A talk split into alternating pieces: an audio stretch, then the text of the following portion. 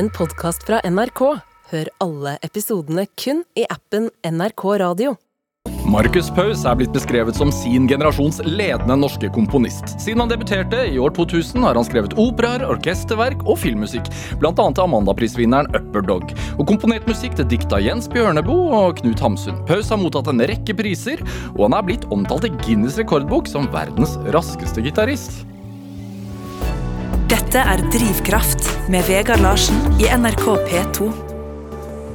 Markus Paus, varmt velkommen til Drivkraft. Hjertelig tusen takk. Det er en glede å være her. Det er en glede å ha deg her. Hvordan, hvordan har du det? Jeg syns jeg har det ganske bra. Jeg føler vel at takknemligheten trumfer selvmedlidenheten, så da kan jeg ikke klage. Nei. Du kom hit i dag, det snør jo som bare pokkeren igjen. Du er en mann med hatt.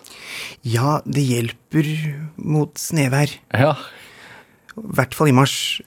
Det, det, det, det var strabasiøst å komme hit, men jeg rakk det. Ja, det er bra. Du, dette med uh, det introen her, så, så sier jeg på slutten at du har blitt omtalt i Guinness rekordbok som verdens rak raskeste gitarist. Dette er jo kanskje ikke noe du tenker så veldig mye på i, i dag, i ditt uh, daglige virke som, som komponist, men, men det henger jo ved, da. Hva, det, det- dette var noe du holdt på med som 16-åring? Ja, det var vel en del av min ungdomstid. Ja. Um, det er absolutt ikke noe jeg tenker vesentlig over annet enn helt anledningsvis som i dag. Jeg, den eneste som advarte meg mot det den gangen, var min far. Han visste vel at et eller annet sted der fremme, gutten min, så kommer du til å angre. Altså visesanger Ole Paus? Ja, og, og, og Hvorfor tenkte han at du kom til å angre? Vel, det er jo Altså, enhver har sitt å bli navnspurt for, og det er en såpass tabloid bedrift at, at det, det, det skal vanskelig gjøres å overgå det sånn Ja, selv med den CV-en du har opparbeidet deg i dag, så, så sitter jeg her og trekker det frem. ja, Det er ingenting som er mer spektakulært enn en Guinness-rekord. Jeg- du kan si jeg, jeg piket som 16-åring. Ja. Um, nei, um, det er vanskelig å, å egentlig få noe særlig kontakt med det fra der jeg er i dag. Dette er jo mer enn et halvt liv siden. Ja. Um, for meg å snakke om det er jo litt som å skulle snakke om et eller annet man gjorde som del av et fotballag da man var 16 eller 17 og ikke på noe elitenivå. Ja. Men eh, det som er i slekt med det fra, eh, altså, fra den gang og til nå, er nok um, Det kom jo det kommer jo fra, eh, for det første, et, et veldig ensomt sted. Altså det, du, du blir ikke så rask til å spille gitar med mindre du er mye alene fokusert på å øve skalaer og, og legge ned alle de timene som det tok da, for å bli så rask. Um, det må jo også sies at musikk for meg var jo lenge veldig abstrakt. Jeg vokste opp i et hjem med instrumenter og med to yrkesmusikere til foreldre. Hva vil det si at musikk var abstrakt? Jeg spilte ingenting. Jeg hadde et veldig nært forhold til musikk i lek. Jeg akkompagnerte all min egen lek med musikk. Jeg nynnet temaer og melodier til Altså, men jeg hadde jo sett Star Wars-filmen. Jeg, jeg visste jo hvordan det låt når karakterer møtte hverandre og konfrontasjoner fant sted. Jeg, så jeg, John, var jo John Williams. Ja. John Williams var en del av, av mitt språk lenge før jeg visste hvem han var. Um, men jeg hadde aldri altså spilt noe instrument, så uh, da jeg omsider fikk hender som var store nok til å kunne gjøre rede for seg på et griprett, så var det en beruselse. Og Husker du no, når det var? ja, eh, det var relativt sent. eh, I hvert fall sånn i, i Jeg er jo vant til å jobbe med musikere som hadde karriere fra de var sånn fem-seks år gamle og sånn. Eh, Så jeg ser på meg selv som en sinke målt mot dem. Men ja, jeg var vel en 11-12-13 år gammel der, der et sted. Og da, innen jeg var 13, så begynte jeg å kunne spille ordentlig. Og da var det så moro. Eh, og jeg, jeg har jo aldri vært noe atletisk menneske, så min eneste ja, si, det, det, det nærmeste jeg kom sportslighet, var på gitaren. Eh, og, og, og det var fryktelig gøy. Altså, det, er, det er den samme gleden man har antageligvis ved å kjøre raske biler eller kunne stå fort på ski. Ja. Altså, man, det er en slags opplevelse av uovervinnelighet, av, av dødsforakt. Og, og altså, virkelig, det, det, det, var, det var fryktelig gøy. Jeg var et helvete å spille sammen med. Jeg kunne overhodet ikke øh, være i noen andres tempo. Øh, Jeg, jeg, var- redselsfull i alle samspillsituasjoner. Hva vil det si? Fordi at du, var så, du spilte så fort? Jeg var, jeg var, bare, jeg var min egen verden. Jeg, jeg, jeg, ville bare stå der som en kolibri øh, og, og dirre.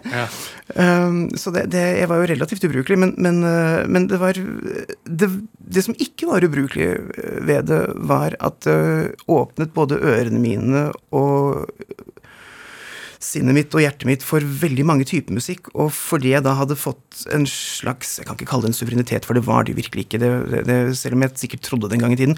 Men, men jeg, jeg hadde fått en opplevelse av mestring. Ja. Som gjorde at jeg kunne snakke med andre musikere, og jeg kunne få innpass i verdener jeg ellers ikke ville ha fått innpass i. Og jeg oppdaget jo veldig mye musikk med gitaren den gang som utsiktspunkt. Men jeg vil jo tro at du vokste opp i et hjem der det var øh, masse instrumenter.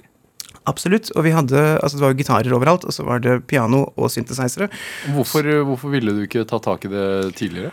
Jeg gjorde jo det. Altså, jeg satt og lekte ved piano og synthesizere, øh, men jeg hadde ikke noe lyst til å spille dem. Jeg hadde lyst til å høre på lydene de lagde, og, på en måte drømme meg bort i det. Så jeg, jeg kan jo huske at jeg satt og skremte meg selv ved å spille nederst på tangentene på et uh, piano, f.eks.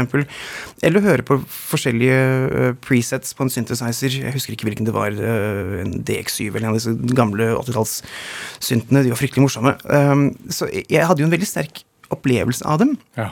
Men jeg hadde ingen overhodet ingen uh, fingernemhet. Og jeg, og jeg ble satt til å ta pianotimer da jeg var en sånn syv år gammel. Uh, og det hadde jeg virkelig ikke glede av, uh, fordi det var ikke det jeg ville. Altså Det jeg ville, var å leke med musikk.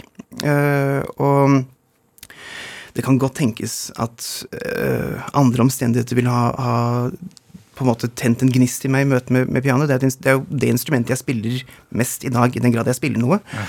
Men øh, Nei, det, det mm, Men det med det, altså bare for å få det bort av det med verdens raskeste gitarist i Guinness rekordbok, hva Det begynte med Altså, jeg studerte jo øh, noen somre ved noe som het GIT, altså Guitar Institute of Technology, på Musicians Institute i Los Angeles, i Hollywood. Ja. Um, jeg hadde hatt en fantastisk gitarlærer uh, her øh, i Norge før det. En, en gitarist med Bjørn Leren, som hadde fortjent en enormt mye større gitarkarriere enn han fikk. Men uh, han er altså, og er fremdeles, altså virkelig et, et, et slags ja, altså Han er det nærmeste vi kommer Myrlargutten. Uh, ja, kanskje på hitsiden av Stian Karstensen. Men, men, men virkelig et sånt altså, Et helt utrolig utøvergeni. Um, og jeg husker jeg hørte ham på Imerslund musikk da var jeg 13 år gammel, øh, og jeg var sammen med min morfar. Og jeg hørte bare da øh, altså det, det, var som altså Virkelig som fyrverkeri. Det, det, det, glitret og spraket, og, og, og, og jeg hørte en kaskade av farver fra forsterkerrommet.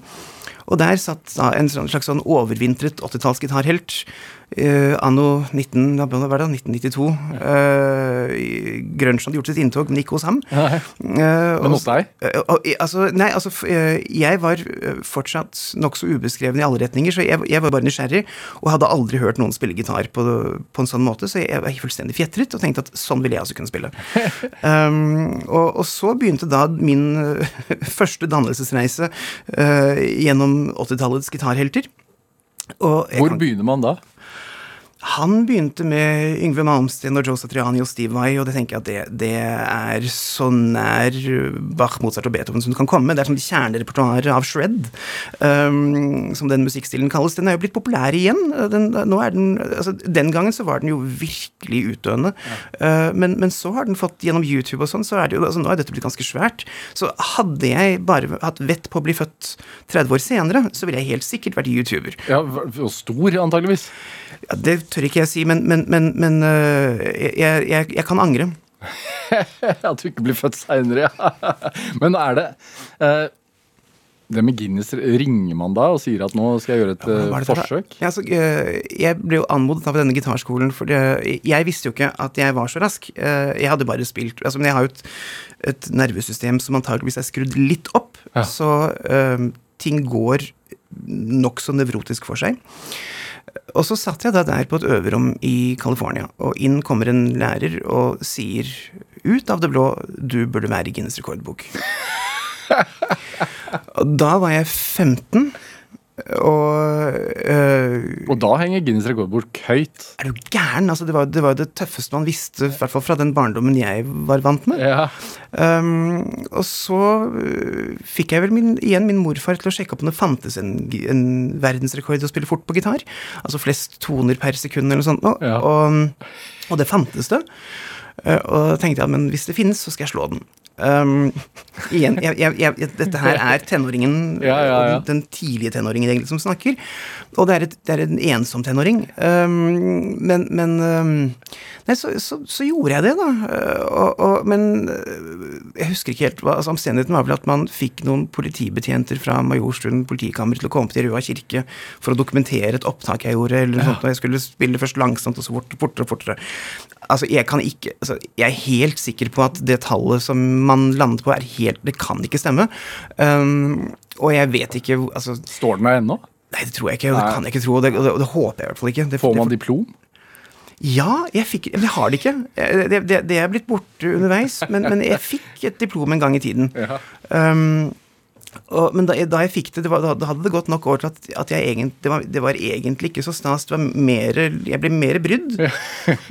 og, og i mange år så var jeg veldig brydd over det, altså det fordi det er veldig langt unna Det du gjør i dag, ja. ja men, men, men jeg tror det sier noe om det sier kanskje noe om min karakter. Det sier kanskje noe om hvor drevet jeg en gang var, og, og hvor øh, Altså, jeg,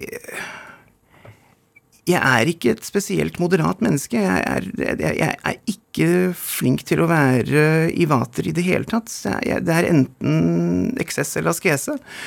Og, og, og sånn var det da også. Eh, og jeg tror sånn sett at, at det å skrive musikk ble jo en slags musikalsk redning for meg, fordi jeg, jeg, jeg har ikke nervesystem som er spesielt kompatibelt med å være utøvende, tror jeg. Uh, altså, jeg, jeg kunne sikkert gjort det hvis jeg hadde valgt en, en, en meget solipsistisk sjanger, uh, men, men jeg, tror, jeg, tror jeg ville vært mer til bry enn til glede. Men eh, altså Markus Paus, du, du holder på med noe annet nå, men vi skal, vi, skal, vi skal høre litt av hva du driver med nå. Altså, du hører litt på et stykke eh, som du har kalt Dekameron. Og, og, du sa til meg før her, da, da er vi litt tilbake på gutterommet. Så det, Derfor så passer det ganske greit, gjør det ikke det? da? Og absolutt, og det er en gitarkonsert. Uh, Riktignok til en meget bedre gitarist enn meg, Petter Richter, en nær venn og en av Skandinavias aller fineste gitarister og musikere, som bestilte da en kammerkonsert for Ja. gitar og strykere. Eh, og jeg skrev den under lockdown. eh, Altså under pandemien? under ja. pandemien, og mm, den har som litterært forelegg uh, Boccaccios Decameron, så den låner uh, tittel fra den gamle Decameronen, som, som jo eh, består av ti hovedfortellerstunder, eh, som igjen har ti fortellinger hver, hvis ikke jeg husker feil. Så tanken var da å lage en slags eh, fortellerstund med gitaren som forteller, og fordi alt som het yrkesaktivitet var blitt så abstrakt, fordi alt bare fant sted i en selv, og, og ja, kanskje til en viss grad på nett, Ja. så føltes det veldig som å være tilbake på gutteværelset. Skal vi høre?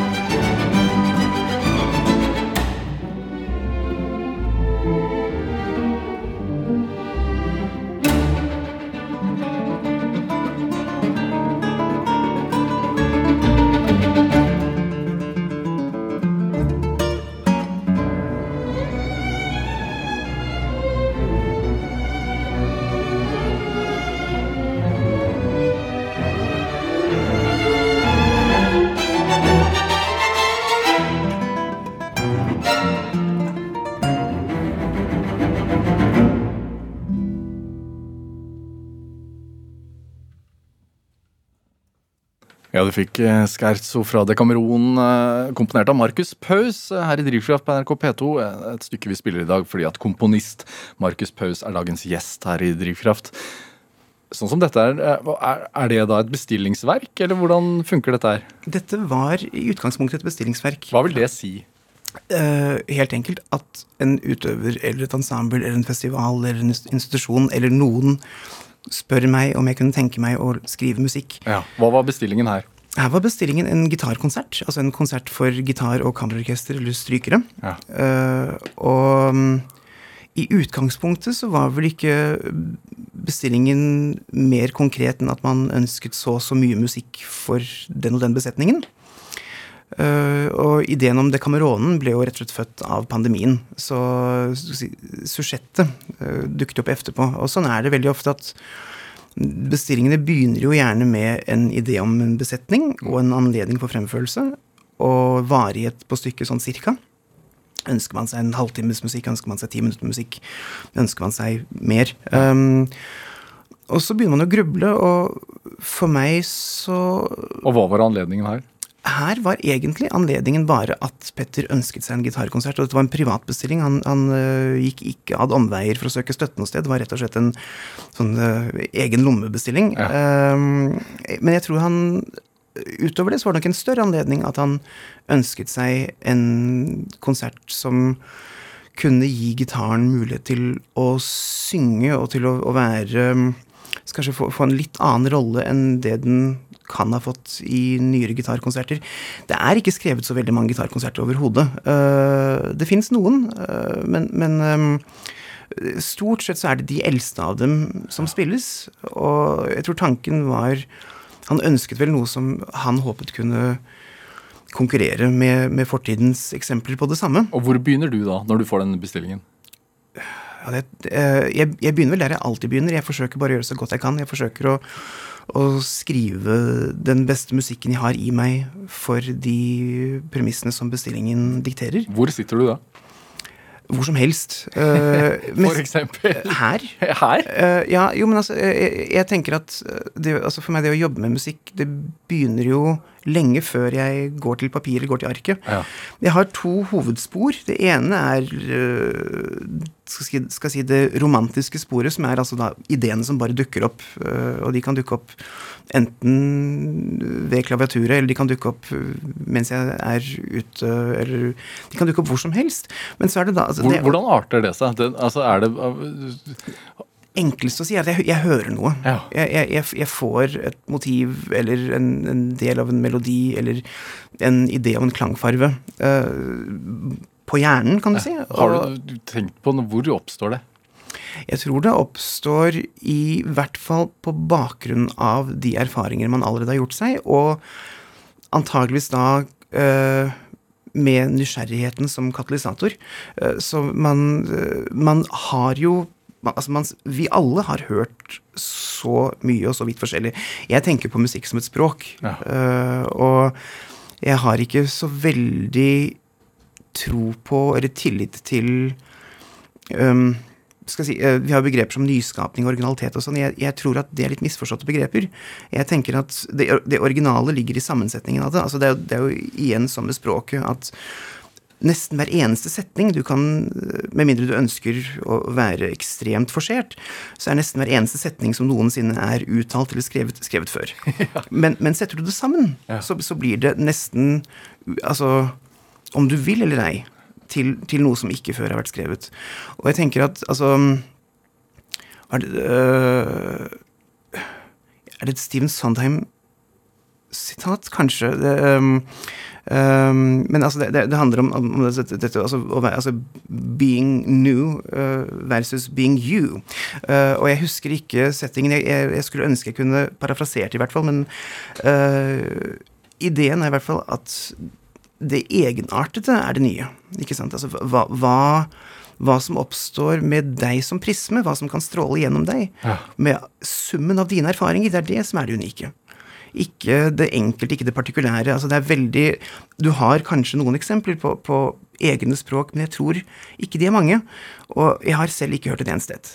Uh, altså absolutt alt står i gjeld til det som gikk forut, og vi står på skuldrene til den som gikk før oss, slik de sto på andres skuldre. Ja.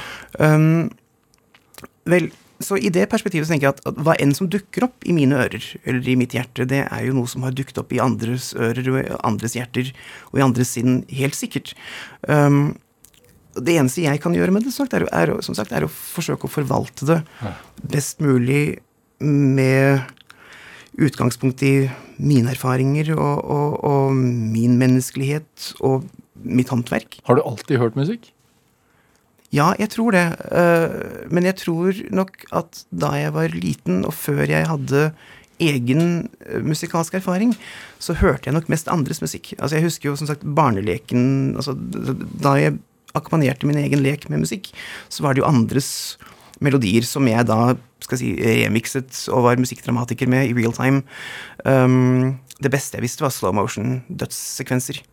Det å, det å, og da Ja. Hva, hva, fortell, utdyp. Du, jeg, altså, En scene som jeg spilte ut igjen og igjen og igjen og igjen med, med figurene mine, det var, var jo uh, igjen fra Star Wars, altså Darth Vaders ofringsscene hvor keiseren torturerer og skal myrde Luke Skywalker, Ja. og, og så kommer da The, the Force Theme Da-di-dam, da-da-da-dam, Ikke sant? Og så endelig så, så kommer hans øyeblikk av frelse hvor han skal redde sønnen sin. Ja. Uh, og endelig så, så, så vinner lys over mørket.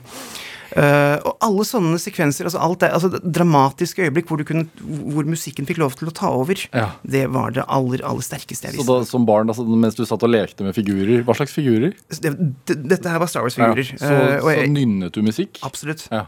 Men John Williams eller egen? Ja, Den gangen var det John Williams, som sagt. Altså det, så det var min første Det var min første opplevelse av musikkdramatikk Ja. øh, innenfra. Um, og du- siden så kom jo mine egne temaer. Men har du altså Jeg tenker sånn da altså på, når, man vokser opp og, og Hvis du f.eks. skulle fremføre noe foran klassen Spilte du da John Williams i hodet, Nei, nei, eller nei, det nei, nei, Uh, altså, Da jeg kom så langt som til å spille noe selv, så var jeg på et helt annet spor. Nei, nei, nå Eh, tenker jeg men- mer sånn et soundtrack til, til Oi, sånn, eget ja. liv, jeg. Um, ja, det kan jeg vel ha gjort. Det tror jeg nok. Altså um, eh, Jeg opplevde jo min egen barndom veldig skal si, protagonistisk. Altså, jeg, jeg, jeg husker en ganske sånn sterk tidlig opplevelse. Eh, Jeg, jeg vokste den, tror jeg, av meg omsider, men, men um, en sånn opplevelse av å spille hovedrollen. Eh, og, og, og jeg kan huske å ha sett lengselsfullt mot solnedganger. Og, og tenkte at et eller annet sted der fremme venter eventyret. Gjorde du ikke det, da? Jo da, hele tiden. Ja. Ja, Ustanselig. Man spiller vel hovedrollen i sitt eget liv, gjør man ikke det? da? Jeg, jeg tror man bør det. Altså, det. Det er ganske fælt hvis noen andre skal gjøre det. Ja. Men, men øh, skjønt, det skjer jo, det òg. Um, hva, altså, du har vokst opp i et musikalsk hjem. Uh, altså, Ole Paus, visesanger, eh, din far, og moren din er sangeren Anne Karin Strøm. Hva syns du om deres musikk som barn? Øh, som barn så tok jeg den jo for gitt. Den, den var på en måte bare det mamma og pappa holdt på med. Ja.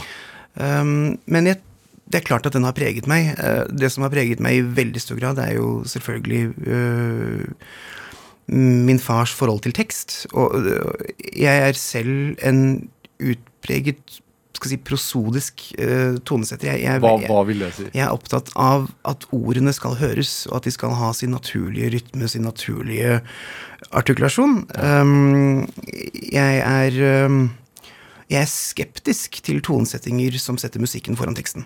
Uh, jeg det kommer selvfølgelig an på teksten. altså Er den, er den redselsfull, så kan man jo forsøke å, å, å, kamuflere den. Men, men jeg liker ikke å jobbe med redselsfull tekst. Uh, jeg er veldig opptatt av poesi. uh, og jeg tror nok at hvis ikke det var for musikken, så er, ville jeg nok ha skrevet. Uh, og så, så den siden av mitt virke kommer nok, eller står nok absolutt min far fadder for. Ja. Eller far for, om du vil. Um, Er det også derfor også det har fungert så godt for deg å tonesette uh, kjent prosa? Absolutt. Og, og, og, og, og, det, det tror jeg i hvert fall. Og jeg tror det har vært utslagsgivende for min egen litterære smak. Um, fra min mor så har jeg nok kanskje mer arvet uh, et, et visst type øre for Eller så et, et, øre for en viss type harmonikk og melodikk. Det jeg husker veldig godt, var jo Da jeg var liten, så var hun under utdannelse igjen. Da gikk hun på musikkvitenskap, uh, og hun jobbet med en plate som aldri ble, og som jeg skulle ønske at hadde blitt, fordi hun jobbet med en slags um, nyinnspilling av uh, Eislers og Weils tonesettinger av Brechts poesi, men på norsk. Uh, og jeg kan huske særlig en sang av uh, Hans Eisler uh, som heter Von der Freundlichkeit der Welt. Um, eller om, om, verdens, om jordens vennlige, verdens vennlighet, heter den på, på Georg Johannessens nydelige gjendiktning. Og hun satt og spilte den, og hun satt og spilte den da ikke med Eislers veldig sånn spinkle uh, klaverstemme, som for øvrig er skrevet akkurat slik den er skrevet med vilje. Den fungerer veldig veldig bra. Ja. Men hun satt da og harmoniserte litt med sånn Burt Backracksk. Um, så, så, det ble liksom en slags blanding av Eisler og Ravel. Uh, og det likte jeg veldig veldig godt. Og det, nok, det sitter nok igjen i, i øret mitt og, og, i min opplevelse av hva jeg syns er vakkert. Hva jeg graviterer Så, så um, jeg tror nok på mange måter at jeg er en, en sum av de to også musikalsk, selv om jeg har valgt en veldig annen vei. Er det det du leter etter? Det vakre? Ja, men når jeg tenker på det vakre, så tenker jeg også på det som det jeg selv gjenkjenner som sant. Og når jeg sier sant, så tenker jeg på det som erfart. Um, så da, jeg, jeg, er skeptisk til musikk som Altså, det kommer jo helt an på sjanger. Uh, men, men uh, det finnes en del musikk uh, Det finnes jo mye ny tonalmusikk. Det er mye mer nå enn for, for en generasjon siden. Og mye av det er veldig veldig fint, men jeg kjenner at hvis det ikke har en motstand i seg, hvis ikke det fins et smertepunkt i det, mm. så opplever jeg det ikke som samsvarende med min opplevelse av livet. Og da er jeg ikke lenger interessert i den. Mm. Så jeg, jeg, har et behov for et slags smertepunkt. Det må finnes noe vondt i det, fordi jeg, jeg kan ikke underslå eh, smerten, og jeg vil ikke underslå smerten. Jeg tenker at det, at det, er, det er, sorgen og, og smerten og forfallet og alt, uh, alt altså, alt det destruktive i oss er, er, jo der for å gi uh, lys en mening. Altså, vi, vi, trenger mørke for å kunne se lys. Og, og, og, jeg, jeg, og, jeg, kjenner det sånn også i musikken, at jeg, jeg trenger dissonansen. Jeg trenger abstraksjonen øh, for fullt ut å kunne få øye på det andre. Ja, det er Star Wars hele veien. Ja, det kan du godt si, altså. Virkelig. Det, det, det, se, min, min dannelse rakk ikke lenger. Den filosofiske siden av det, Markus Paus, når oppsto den? Jeg tror den er til stede i alle. Jeg tror det er en, det er en Man har ikke noe valg. Altså, man, man, må jo bare forsøke å finne mening eh, i, i ja, i, i, alt man gjør. Og jeg, jeg, tror den blir sterkere med årene fordi nettopp dette å, å oppleve livet som meningsbærende meningsfullt er mer utfordrende, desto vanskeligere livet blir. Ja. Um, så jeg, jeg, tror at um, Og det handler også mye om, som kunstner, å kunne se seg selv i en sammenheng. Se hva er man en del av, og ikke minst at man skal være en del av noe. Jeg tror at det å for meg kjenne at jeg kan bidra, det er noe av den viktigste motivasjonen for å skrive. Ja, hva ser du deg som en del av, da? Uh, for det første, jeg, altså, jeg, jeg forvalter jo et fag som er meget gammelt, og jeg tenker at her og nå så, altså, så er vi hele fortidens eksistensberettigelse. Jeg øh, er jo ofte blitt beskrevet som skal vi si, tradisjonell, eller mer tradisjonell i mitt ståsted rent uh, musikalsk. Jeg er ikke enig i det, um, men, men um, jeg tror, altså, det, er, det, er, jo veldig lett å tenke på klassisk musikk for eksempel, som en konservativ tradisjon. Og det er klart at et, et, stort aspekt av det er jo konservativt i den grad at vi bevarer kontakten med det som gikk, og, og bygger videre på det som gikk forut. Samtidig så tenker jeg at noe av det aller viktigste er jo å kunne gjenkjenne at dette er noe vi alle har eierskap i. Jeg tror det vil være sunt hvis vi ble kvitt vår sjenanse for fortiden. Hvis vi sluttet å um, heroisere dens skikkelser og, og, og, heller anse alt stoffet som helt naturlig en del av hva vi alltid har vært, og hvem vi alltid var, og hvem vi alltid vil være. Altså, jeg, jeg, jeg, Altså Du ser ikke noe poeng i å være i opposisjon til det klassiske, for, å- for å si det sånn? Nei, altså det, den, man, man får ikke gjort noe med det. Det, det, det, det fant jo sted. Altså, disse, disse menneskene har jo vært der. Den, den musikken lever, og, Ja. og, og, og en del av den lever veldig, veldig godt.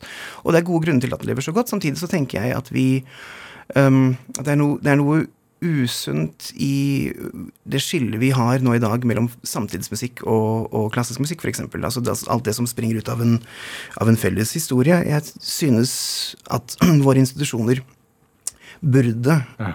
Ha hatt en, en uh, mye sterkere tilstedeværelse av ny musikk. Hvor, hvor levende er den debatten egentlig i, i hva skal man si, det, det komponistmiljøet?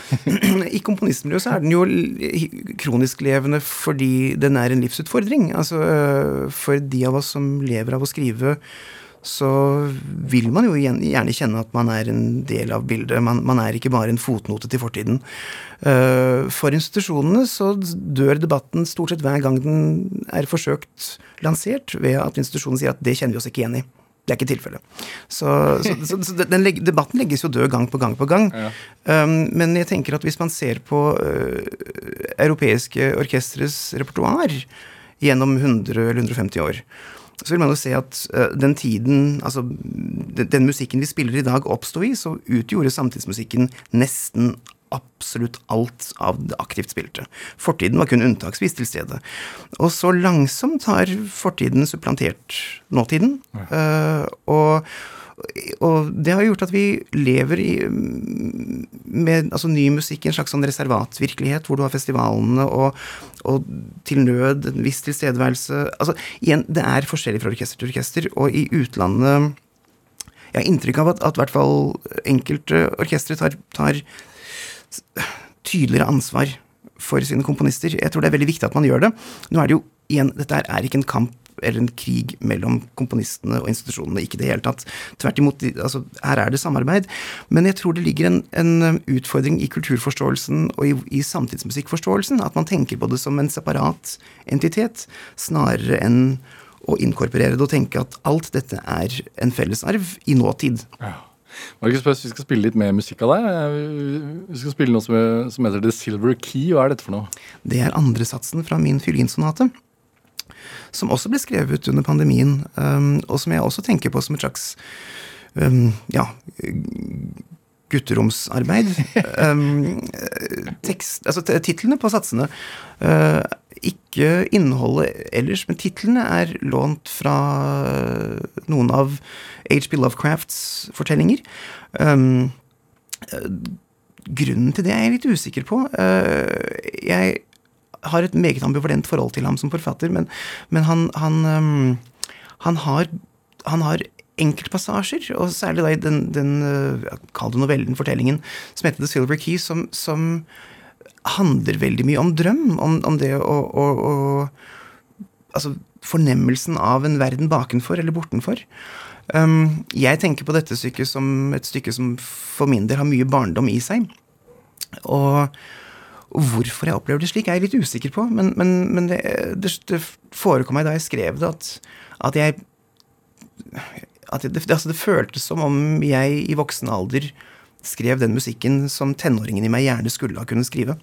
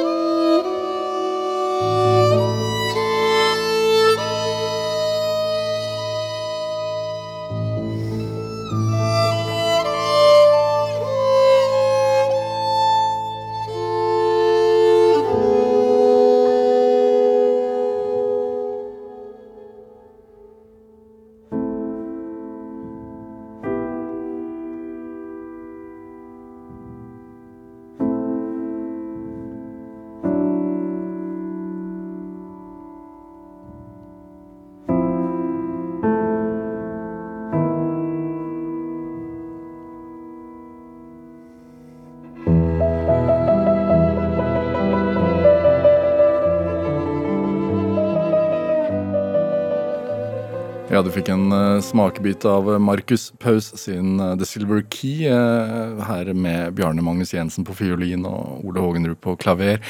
du hører på Drivkraft i NRK P2, og vi spilte stykket fordi at komponist Markus Paus er dagens gjest her i Drivkraft. Det er veldig fint. Tusen takk. når du sier at min, altså, du skulle ønske at du kunne spille dette her som tenåring? Jeg, altså, jeg følte at jeg skrev den musikken jeg gjerne skulle vært i stand til å skrive som tenåring. Ja. Hvem var du som tenåring? Jeg var nok et Fremdeles i veldig stor grad et barn. Eh, jeg var ganske Ganske klar over mitt utenforskap. Hva vil det si? Jeg hadde Jeg hadde ikke noen tilhørighet noe sted. Jeg var ganske hjemløs. Jeg hadde, jeg hadde venner, og fine venner, men jeg, jeg var aldri en del av, av deres miljø. Jeg, jeg, hadde mine egne interesser og min egen verden. Hvorfor var det sånn, tror du? Jeg vet ikke, jeg, har alltid vært sånn. Uh, jeg kunne invitere andre inn i Og, og elsket å gjøre det. Og, og, og, ha alt fra Altså, jeg hadde skrekkabinett under trappen i huset jeg vokste opp i. Jeg, jeg, har alltid likt å fortelle, jeg har alltid likt å, å, å underholde, jeg har alltid likt å, å invitere inn. Ja. I tenårene så var jeg nok også alene mm, veldig mye fordi de private omstendighetene, altså mine foreldres liv, øh, var så øh, Skal jeg si øh,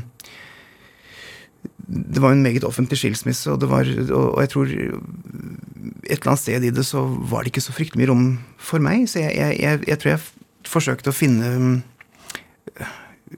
tilflukt i det skapende. Mm. Um, og jeg tror nok at det er tilfellet for ganske mange skapende mennesker, at det begynner gjerne der. Jeg kjenner nesten ingen som ikke, altså, som ikke har, eller som ikke er kunstnere fordi de på et eller annet tidspunkt fikk opplevelsen av å være fortegnet. Mm. Uh, og jeg hadde veldig sterkt den følelsen. Og, og følelsen sagt, av, å være hjemløs og av å Og jeg, jeg, jeg trengte et, et strandhugget sted, et lite rom med en dør å lukke, eller bare noe som jeg kjente at dette hva enn det var, det, dette kunne ingen ta fra meg. Mm. Og altså, så det, det, var nok ganske betegnende for hvem jeg var som tenåring. Hvor altoppslukende ble kunsten for da? Fullstendig. Ja. Fullstendig. Ja, det, det, var ikke så veldig mye annet enn en det. Altså det å, Hvordan passer det inn på ungdomsskolen, hvor, hvor uh, jevnaldrende antageligvis er opptatt av helt andre ting? Der jeg vokste opp, og på skolen jeg gikk, så passet det vel egentlig ikke spesielt godt inn. Eh, jeg var eh, Men altså, igjen, det, det, jeg har alltid vært velsignet med, med, snille mennesker og forståelsesfulle mennesker i min nærhet. Så det var eh, Det var, det var ikke no, noen katastrofe, men, men, men det var jeg, jeg, var bare ikke interessert i annet enn det jeg var interessert i. Mm. Og sånn, sånn, har det nok alltid vært. Altså det, det, er, det, er, vanskelig for meg å, og helt fri meg fra mm, hva enn dette imperativet jeg går svanger med, er, så, så klarer jeg ikke å slippe unna. Hva, hva betyr det, Markus Paus? Det betyr at jeg, jeg kjenner en, en, trang til å gjøre det jeg gjør. Ja. Ikke noen egentlig spesielt stor grad av lyst, bare en slags frihetsfølelse når det er gjort. Jeg kan kjenne at jeg, jeg, jeg føler um, jeg, føler jeg kan kjenne meg veldig igjen i Dorothy Parker sa en gang øh, om det å det å skrive altså som forfatter at altså, I hate writing. I love having written. Og jeg kan kjenne meg veldig igjen i det. Ja. Mm. Hvilken følelse gir det da å skape noe, altså å sette noter ned på arket som altså, det er, vel, er, det ferdig for deg først når, når det blir fremført, eller? Ja, ofte ikke da heller. Eh, det er ferdig når jeg kan slippe tak i det, når jeg føler at, at det står godt uten min videre deltakelse. Ja. Um, og måten jeg kjenner igjen det på, er at jeg mister opplevelsen av eierskap. At jeg kan høre på det som om noen andre har skrevet det. Eh, da er jeg fri. Ja. Frem dit så er jeg vel mer som en lege eller en labtekniker som forsøker å se etter sykdomstegn. Ja. Og jeg, jeg, kan ikke friskmelde før jeg, før jeg har den opplevelsen at det slipper tak i meg. Er du når, når det slipper taket, og du hører det eh, kan du hva skal man si, bli forelsket i egne stykker, eller tenker du på ja, ja? Mm, Forelsket er nok øh, for sterkt. Men jeg kan, jeg, kan, jeg kan kjenne at noe står for meg som ferdig. Jeg kan kjenne at det står for meg som, som fullstendig. Det kan stå for meg som, som sant. Uh, at jeg, jeg, kjenner at her kan jeg ikke legge til eller trekke fra. Eller endre uten at jeg forringer. Um, det er ikke veldig ofte jeg har den opplevelsen, men, men, jeg, men jeg, har det med, med, noen stykker innimellom. Og det at jeg kan ha den opplevelsen innimellom, det gjør det, det igjen en sånn da, da, føler jeg at jeg i hvert fall har kunnet bidra med, med det beste i meg. Mm. Når er du mest lykkelig, Markus Paus? Jeg tror jeg er mest lykkelig når jeg er ferdig. Når jeg, når, når, jeg kan kjenne at noe slipper tak i meg. Ja. Uh, når andre kan ha glede av det jeg gjør som spillende eller som lyttende. Uh, da er jeg lykkelig. Um, men, det, men altså, lykken er nok mer Det handler nok mer om fredsfornemmelse. At jeg kan kjenne at det slipper taket.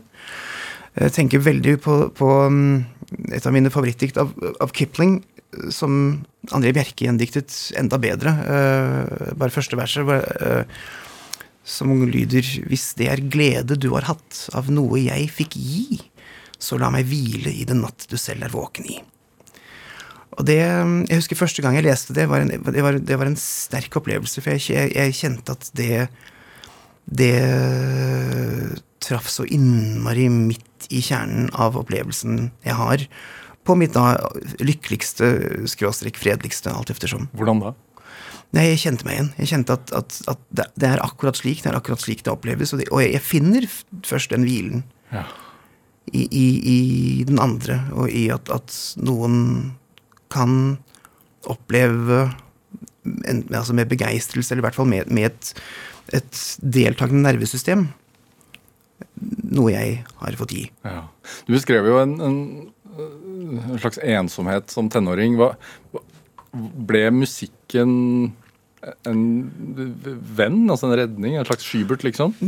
Ja, det kan du godt si. Det som jeg husker veldig, veldig sterkt, eh, som kanskje det øyeblikket mer enn noe hvor jeg skjønte at, at jeg ikke kunne la være å skrive. Det var første gang jeg hadde skrevet noe for andre enn meg selv, og det ble spilt. Uh, og da gikk jeg vel på videregående uh, og hadde skrevet en, uh, en klarinettkvartett, tror jeg det var. Um, og, og, det øyeblikket da å få dette spilt uten egen deltakelse, og se andre musisere med det, og andre ha glede av det, ja. og andre finne fryd i det, og, og, leke med det, det var det mest deltakende jeg noensinne hadde opplevd. Å være? Ja, virkelig. Ja. Altså det, det, så det, det, er, um, det er min måte å være til stede på. Det er min måte å, å, å, være sammen med andre på også. Ja, Så det er en slags samtale, rett og slett? I høyeste grad. Ja. I høyeste grad. Men også der du har sterk regi, da. Ja, det kan du si. Og, og, og den, altså, partitur er jo en meget sterk regi. Samtidig så vet man jo alle som, altså alle som jobber med musikere på, på et høyt nivå, merker jo at det som, det som skiller en god fremførelse fra en gjengs fremførelse, det er jo nettopp at noen tar tak i det og gjør det til sitt eget. Og det er det beste jeg ser. Altså at, at, at noen preger Altså, jeg har, jeg har skrevet tonene, jeg har skrevet rytmene, jeg har skrevet farvene. Jeg har diktert parametrene, kan du si. Men ja. derfra til musikken er fortsatt et godt stykke vei å gå. Eh, og den kan jo bli veldig mye forskjellig. Og jeg elsker når det skjer, når jeg, når jeg ser utøvere som, som dikter videre, kan du si. Ikke, ikke, ved å endre på noe jeg skrev, men, men å gi det liv. Mm. Og det Nei, det, det er det det tror jeg er det aller fineste. Ja. Vi skal høre litt på uh, et stykke du har skrevet som heter 'Mitt hjerte', hvor det også er vokal. Ja, det er skrevet en uh, tonesetting av et dikt av Jens Bjørneboe mm med Julie Kleive og Joakim Kvitsinski, som jeg har jobbet mye med, både med, med Bjørneboe og Bjerke.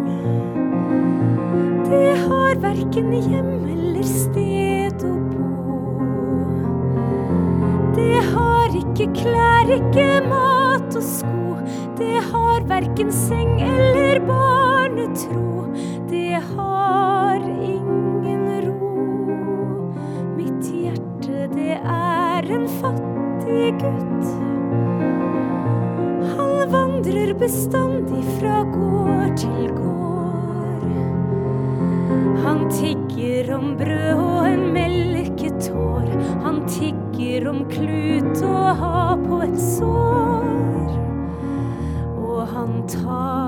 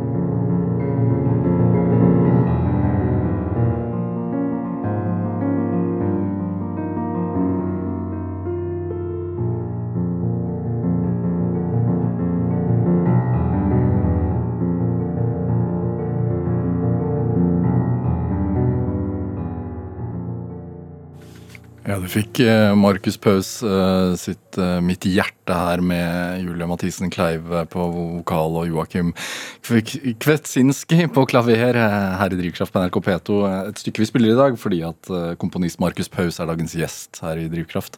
Det, I diktet her, Bjørneboe-diktet, så, så, så, så sier vi 'hjertet får ikke svar'. Leter du etter svar? Ja, jeg, jeg tror jo det i den grad alle leter efter svar. Um, men jeg leter nok mer efter mening og etter følelsen av, av sammenheng og, og Så spørsmålet med, svar er hva, hva skal man ha svar på? Jeg, jeg, jeg tror ikke på noe entydig svar, men jeg tror at hvis man kan finne noe som, som er meningsfullt, og som gjør at man opplever at man står i en eller annen sammenheng, og kan kjenne at man får en slags opplevelse av sin egen deltakelse i verden, så tror jeg det, tror jeg det er eh, det er svar godt nok for meg. Jeg, er nok mer opptatt av spørsmålene enn av svarene uansett. Er det, er det viktig for deg at, at eh, stykkene dine kommer til å leve? Å, det er et veldig godt spørsmål. Jeg, jeg skriver jo på en måte med det som horisont. Altså, jeg, jeg, jeg er um, Det som beveger meg, er jo stort sett kunst jeg opplever som tidløs, som løfter seg ut over sin samtid, og som ikke er en del av en tid så mye som de er en del av en menneskehet. Og jeg skriver nok ut ifra en tidløs tilnærming til kunst, eller det jeg tenker på som en tidløs tilnærming til kunst. Det er klart ingen tilnærming er det. I virkeligheten så er vi jo ekstremt diktert av vår egen tid. Bare altså fra, fra vi står opp om morgenen til vi legger oss om kvelden. Altså, men hele, hele livet vårt finner jo sted innenfor rammen av, av vår tid. Men jeg er ikke spesielt opptatt av å ta denne tiden på pulsen. Det tror jeg ikke man kan unngå å gjøre uansett. Uh, altså Mitt nervesystem er like samtidig som andres nervesystem innenfor samme tid. Um, men jeg håper jo å kunne gi noen varig form. Jeg håper at det jeg skriver ved sin menneskelighet kan berøre mennesker i en annen tid enn denne. Hvorfor er det viktig for deg? ja, igjen, det, det, det er det fundamentale spørsmålet. Hvorfor er det viktig for meg? Av samme grunn som at musikk er viktig for meg, av samme grunn som at kunst er viktig for meg, av samme grunn som at kjærlighet er viktig for meg. Samme, altså, det er på en måte en slags altså det, er, det er det vi har som trosser døden. Ja. Hm. Er du redd for det? Døden? Ja. er på ingen måte ikke i det hele tatt. Virkelig ikke. Uh, mindre og mindre.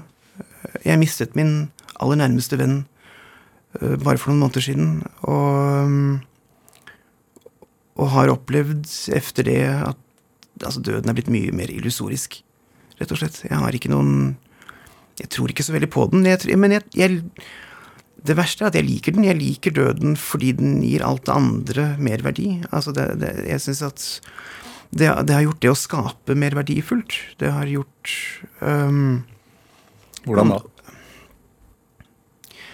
Mer står på spill. Det er mer smerte i det. Det er, mer, det er, det er vondere, det er vanskeligere. Det er mer forferdelig, men, men også derfor mer fortrøstningsfullt. Ja. Viktigere. Ja, jeg tror det.